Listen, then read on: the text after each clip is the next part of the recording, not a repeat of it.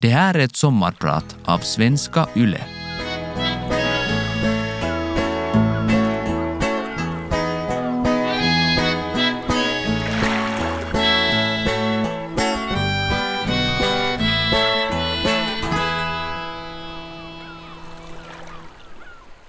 Det är länge sedan Hesa Fredrik skrålade över Helsingfors. Fredrik var en siren, formad som en svamp. Ingen tyckte om dess ljud. Under våra krig blev alarmsignalen något av en liten pojkes signaturmelodi. När Hesa Fredrik slogs på var det dags att söka sig i skydd. Vi var en brokig skara som sprang. Mest barn, kvinnor och åldringar. Många med ficklampor, matpaket och värmande kläder med sig. Ännu på 70-talet hördes luftalarmet vissa måndagar. Prickklockan tolv i Helsingfors. Under bråkdelen av en sekund knep det i mitt hjärta. Sen begrep jag, nu vuxen, att det var bara övning, inte längre allvar. Inte låg det så mycket allvar i Broholmsbergets solida bombskydd heller när jag som sexåring tjänade fickpengar med att sjunga Njöt Molotov, njöt Molotov, du ljuger ju värre än själva Bobrikov. Och där sen ryska bombträffar hördes som knackningar i berget applåderade människorna. Oss kniper ryssen inte. När jag sen som elvaåring måste lämna huvudstaden för en lång tid framöver tänkte jag alltid med längtan på min egentliga hemstad den ort på jorden som Einar Englund och Meini Sirén tolkar så autentiskt att man riktigt känner hur ruskigt rått vädret där kan vara en kulen höstdag. Men nu är det någon slags sommar. Jag heter Ralf Friberg och kommer att trivas som er sommarpratare den här gången. Hoppas att ni också trivs. Texten var genial. Benedikt Siljakus. När jag var sju år gammal dog min mamma oväntat i en infektion, vilket naturligtvis var en stor förlust för en liten pojke. Min knackiga skolgång inleddes i samma veva och började med tre fyror på julbetyget, men fick ett angenämt avbrott då Snellmansgatans svenska folkskola brann till grus efter en bombred.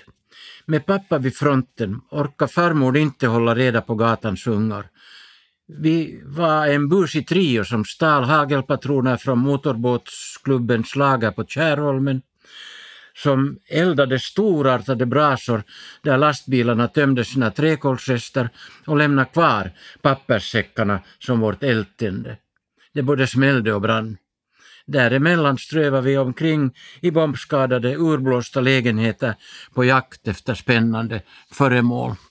Vår trio med slaktarens pojke och radioreportern Pekka Tilikanens son hade ett så grundmurat eh, dåligt rykte i grannskapet att ambassadör Matti Häkkänens mamma förbjöd honom, en äkta son av Kronohagen, att alls leka med oss. Vi barn visste nog att det var krig, men vi förstod inte riktigt att vara rädda.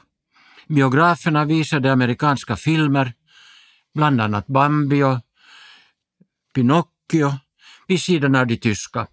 Finska soldatfarser avsåg att höja stämning och moral, men ofta blev det lantliga stuket obegripligt för oss spirande stadikunder. Min far tog oss sen efter de massiva bombardemangen av Helsingfors till Ladoga-Karelen.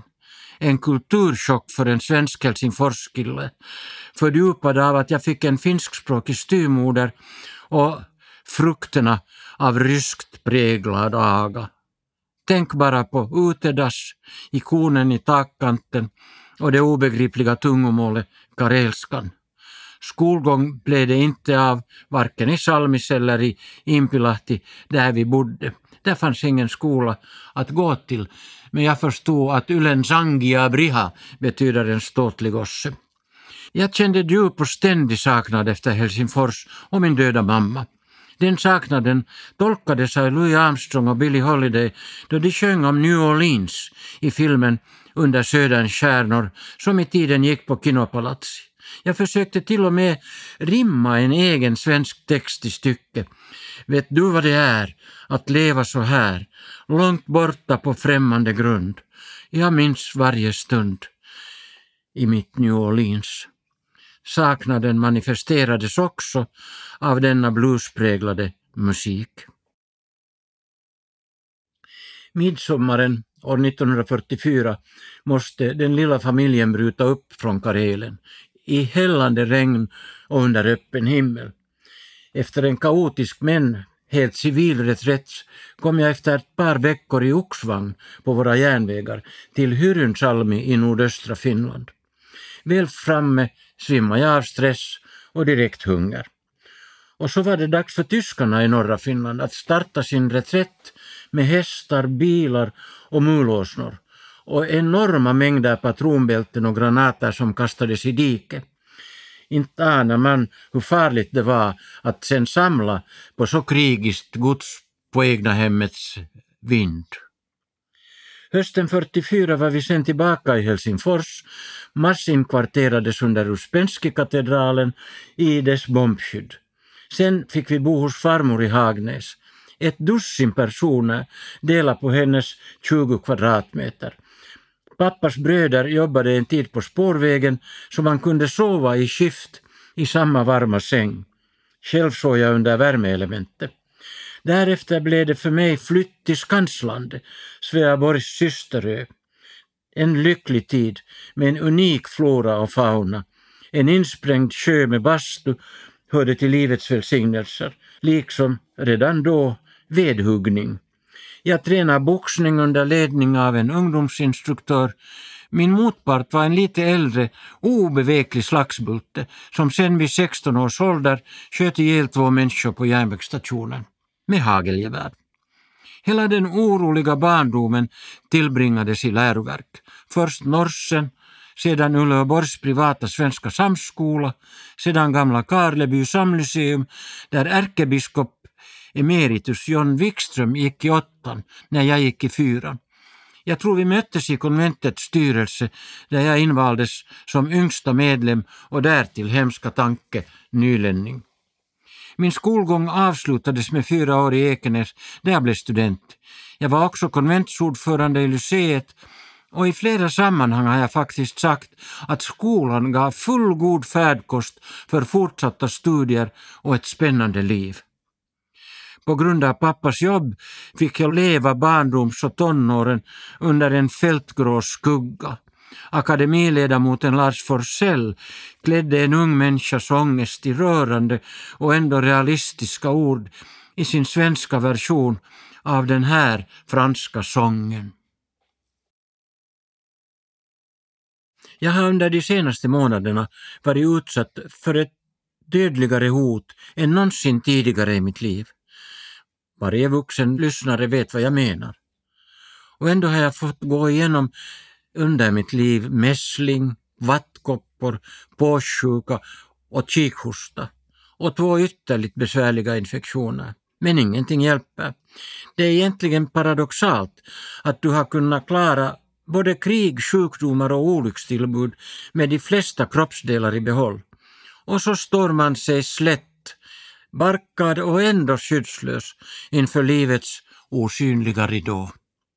Det måste vara västerländsk egoism som gör att vi just nu glömmer de miljoner barn runt om i världens krishålor som alltid hotas av att deras liv måste slockna så tidigt. Vi tänker på dem ett ögonblick nu med Ann-Louise Hanssons tolkning av Nils Ferlins text Du Lasse, Lasse liten. Det är kanske inte många som längre känner igen min röst så jag måste för säkerhets skull säga jag heter Alf Friberg och idag är jag er sommarpratare. Mitt livs universitet har jag efter den ryska författaren Maxim Gorki kallat mina fyra somrar i handelsflottan och ett år i marinen, där jag till slut fick föra befäl över flottans äldsta minsvepare Ahven Nelonen, en flytande djävulsö. Förhållandena på fartygen under 1950-talet innebar att man bodde trångt och levde tätt in på varandra. Det gällde att smälta in i gänget.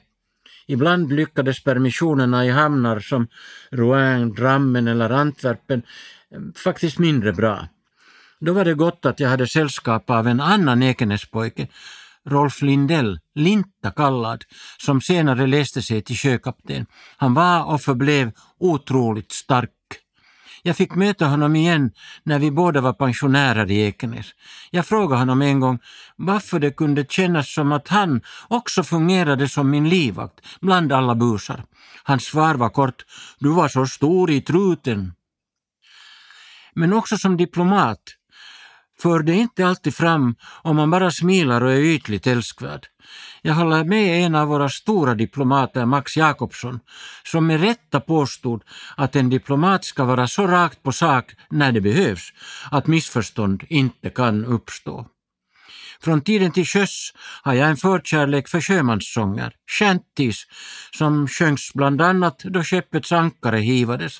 Traditionen med shanties lever vital ännu idag i sjöfartsstaden Mariehamn. Här kommer en av de mest klassiska shanties av dem alla. Mina slumrande diplomatiska talanger kom äntligen till sin rätt inför självaste dronningen Margrethe den andra av Danmark. Då jag var beskickningschef i Köpenhamn Hovmarskalken, en specialist liksom sin far på Yttre Mongoliet, förde mig fram till majestätet under en mottagning på Kristiansborg. Drottningen hade missat vad hovmarskalken sysslade med, så hon hade tagit rejält för sig av serveringen av kanapéer. Det var en stum drottning jag mötte. Hon bara tuggade och tuggade. Våra blickar möttes, men hon förmådde inte säga något med munnen full av mat. Vad göra? Gå bort för att inte besvära majestätet? Nej, det är ohyfsat. Vänta ut hennes sega tuggeri? Det kändes som en pinsam evighet. Eller, hemska tanke, tilltala henne, tvärt emot vad hovetiketten påbjuder. Jag bad om tillstånd för detta, vilket nådigt och roat beviljades. Dronningen talar en flytande svenska, så samtalet löpte mödolöst den korta tid det vara. Margrethe den andra är en begåvad och påläst statschef. I våras fyllde hon 80 och hyllades av hela sitt folk. För en nordisk ambassadör var Köpenhamn en idealisk stationering, bara man kom ihåg att jutarna är sluga och drivna affärsmän. Vår favoritkrog blev Toldboden Bodega i vars andra våning Danmarks stora kompositör Hans Christian Lumby hade bott och komponerat. Det vill säga mannen som gjort det här stycket. Diplomatlivet kunde som bäst vara en champagnefest och en dans på rosor, men oftast innebar det faktiskt hårt arbete, Redan innan jag blev ambassadör, först i Aten och sen i Köpenhamn, jobbade jag en hel del i internationella sammanhang. Under min tid som aktiv socialdemokrat hade jag en uppsjö uppdrag utomlands. Jag gjorde flera resor till DDR. Det som finskspråkiga fyndigt kallade harppisaksa, eller som medlöparna också sa, derkula. Sista gången jag besökte gamla Östberlin var jag inne på ungdomstidningen Junge Welt har ni svårigheter med att publicera till exempel läsarbrev? frågade jag. Nej, blev svaret. Vi publicerar allt. Jag måste ha sett skeptisk ut, för sen kom nog ett tillägg. Allt som är lämpligt. Bäst minns jag igen en gång besöket på kabarén Der Stachelschwein, det vill säga igelkotten. Vad gycklar man om där i maj 89, ett halvår före murens fall? Jo, pjäsen hette Wir sind doch eine Reise wert. Vi förtjänar vår resa. Och drömresan på scenen inleddes med att man visade bilder från Venedig. Det var resan. Under mina besök i Östberlin blev Teater am Schiffbauerdam, det vill säga Bertolt Brechts egen teater, bekant. Jag har upplevt en oförglömlig Helene Weigel i Dreigroschenoper och tagit del av Kurt Weils geniala musik. Långt senare i livet, efter att jag pensionerade mig och flyttade hem till Ekenäs, engagerade jag mig i den lokala kulturpolitiken, bland annat som kulturnämndens ordförande i Raseborg.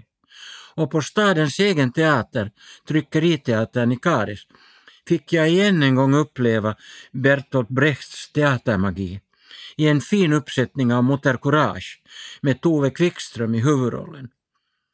Tack till Tryckis för det. Weil och Brecht har stått för en enastående epok i tysk kultur. Här kommer de.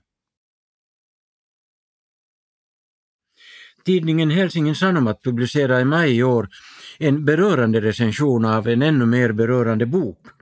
En detaljerad skildring av livet i det av tyskarna belägrade Leningrad med över en miljon offer för svält. Mina tankar flög till Aten. Vem minns att krigsåret 1941-42 drabbades den grekiska huvudstaden av en kuslig hungersnöd. Över 100 000 människor svalt ihjäl. Bilderna från gator och boulevarder är likadana som de från Leningrad. Människor faller döda eller döende på gatan, stundom mitt i steget. Före tjänstgöringen i Aten kände jag inte det moderna Greklands olyckliga historia med dess inslag av hjältemod då general Metaxas kort sade ohi, nej till Mussolinis soldater och försök att ockupera Grekland. Italienarna drevs ut ur landet. Den politiska sången uppstod och blomstrade i överstejuntans kölvatten. Denna skatt består inte bara av Theodorakis, Mikis med Folke, Maria Faranduri, Manos Hadjidakis och liknande musiker. Samtidigt blev de politiker. När jag besökte kulturministern Melina Mercouri chockade jag henne med att påstå att jag hade tillbragt vikenden i hennes sällskap. Hon spärrade upp sina fenomenala ögon. Hur sa?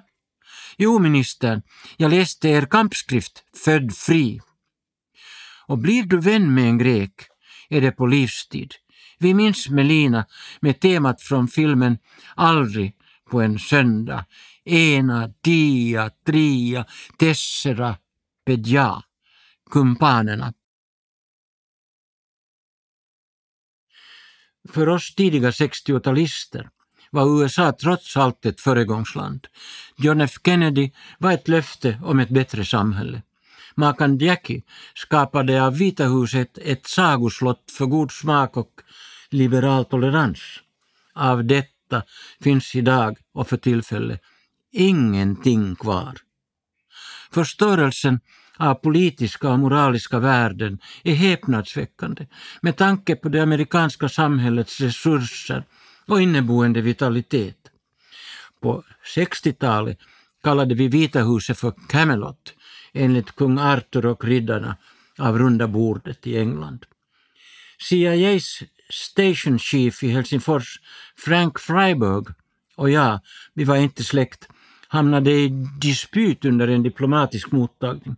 Jag var då politisk journalist vid Hufvudstadsbladet och nyvald ledamot av stadsfullmäktige i Helsingfors. Jag hävdade att Sovjetunionens militära styrka var överlägsen den amerikanska. Freiberg sa nej och skickade mig med mitt entusiastiska godkännande på ett Asla Leadership Grant på sex veckor till USA. Vilken frihet man fick av att resa och studera. Resan med MS United States från tyska Bremerhaven till New York blev i sig en upplevelse, hårt sjöväder, men också bordtennis i första klassens salonger. En taxichaufför hemmahörande i San Francisco men också pingisspelare i tyska Bundesligan blev min partner. Han hette Mendel-Münstein.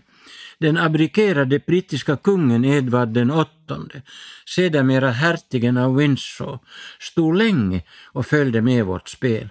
När hans hustru Wallis Simpson sista gången ryckte i kopplet kvitterade han med ett ljudligt ”Those guys are playing really well” Den grekisk-amerikanska filmstjärnan Telly Savalas, känd från tv-serien Kodiak, var också ombord. Han spelade nog bra, men inte tillräckligt bra för oss som hade plankat från turistklass till första. Jänkarna har ett fint frivilligsystem som utländska stipendiater har stor nytta av. Behjärtade medborgare tar hand om dig och bjuder på middag, med Coca-Cola och vatten som måltidsdryck. Dessutom arrangerade utflykter. Jag fick hjälp av Susan Meyer, syster till den kända kolumnisten Karl Meyer i Washington. Och tack vare henne fick jag uppleva maestron Isaac Stern på Lincoln Center och Martin Luther King på New York State Armory, det vill säga delstatens arsenalsbyggnad. King höll den massiva publiken i ett retoriskt järngrepp och åtminstone tyckte jag mig också där höra i have a dream. Som ett resultat av min upplevelse under den här vistelsen har jag aldrig klandrat det amerikanska folket, bara deras idiotregeringar som skapar collateral damage överallt i världen. I förfärande grad är det barn som förintas och lemlästas i dagens bombredar från bekvämt hög höjd.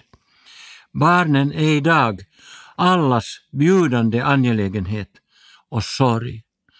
Människor världen över kan fortfarande enas i 60-talets stora hymn för humaniteten. We shall overcome. man säger i Tyskland, wer eine Reise tut, der hat was zu erzählen. Den som reser kan berätta. Därför vimlar det av brokiga destinationer i mitt liv. Ta till exempel den nordiska cykeln Oslo, Köpenhamn och Stockholm. Sammanlagt över tio år i nordiska omständigheter. Stockholm kändes närmast. En finlandssvensk kunde få ett språkbad. En politiskt aktiv kunde finna kamrater. En kulturintresserad, en bred palett av kultur. Framförallt var Stockholm de öppna dörrarnas stad. Så länge man kunde bevara förtrolig information möttes man också av ett stort förtroende. Statsminister Olof Palme kunde hälsa på mig innan jag hann med min hälsning. Men en sommar på semester hade jag en mycket skarpskuren dröm i ett hårt ljus. Jag upplevde i sömnen att Olof Palme mördades. I mitt undermedvetna framstod han alltså som en omstridd person. När sedan skotten föll var jag än i Finland. Men en av vår tids pester skymtar än vid Mälarens horisont. Aids. Då hjälpte inga sprutor, inte ens den fenomenale Cornelis. Året var 1965. Då blev jag rundradions första nyhetschef för både radio och TV. Yle hade gott om pengar då och jag fick göra flera studieresor.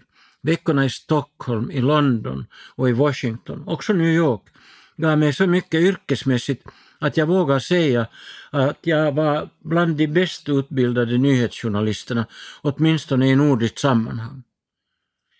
En yrkesman med den modernaste tänkbara utbildning. Det gällde att balansera i dåtidens Finland. När journalisterna ville bryta tabun, bland annat fick man inte nämna strejker i nyhetssändningarna, så framhöll jag att man ska avstå från revolutionära tongångar och behandla tabubelagda ämnen korrekt och sakligt. Samtidigt var tiden inne för att skärpa det journalistiska tilltalet. Det blev nya program. Ett hette Tumskruven, ett annat hette Onsdag och tilltalet det lånade jag från Stockholm. Där hade de tre orna, Ortmark, Orup och Olivekrona, började med det som kallades skjutjärnsjournalistik. Nu drog även Yle blankt när det behövdes. Nyheterna kom tidigt till mig. Redan första sommaren på tidningen Västra Nyland fick jag in en sexspaltare på paraden. En beväring från Hangö pimsades så hårt att han dog i en hjärtattack en söndagsförmiddag under en oprogrammerad övning i Syndalen. Senare försökte jag följa svenska journalistläraren Seth Poppius maxim. Sumpa aldrig ett givet uppdrag. Men en gång var det nära.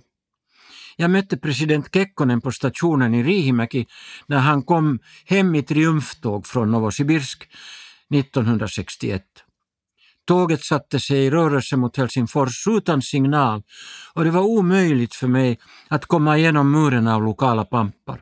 Jag rundade muren och sprang fatt en föregående tågvagn, lyckades klättra upp och stod ute på trappstegen. Tills dörren till kupén plötsligt rycktes upp. Jag betygade för poliskonstapeln att jag var från Husis och hans fråga måtte ha varit oerhört typisk för den tidens bylingar. Nå, har ni några papper? Det hade jag. Men incidenten att tränga sig på Kekkonens salongsvagn var ytterst obehaglig. Chefredaktör Steinby fick rapport och gav mig sitt stöd. Journalistens, politikerns och diplomatens liv är minst sagt rörligt, då det inte är direkt rörigt. Kanske hittar ni bästa lyssnare något av kärnan i mitt kringflackande liv som ändå har slutat hittills så lyckligt. I den skånska skalden och journalisten Gösta Kullerströms vårvisa om blommor och omoral. Kanske den kan gälla som min musikaliska vapensköld.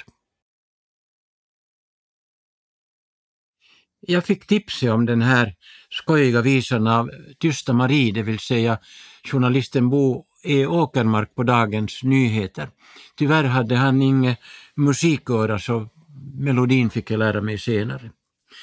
Men under mina knappt tio år i riksdagen var jag medlem av det som Karl August Fagerholm ironiskt kallar världens mest exklusiva turistklubb, Interparlamentariska unionen.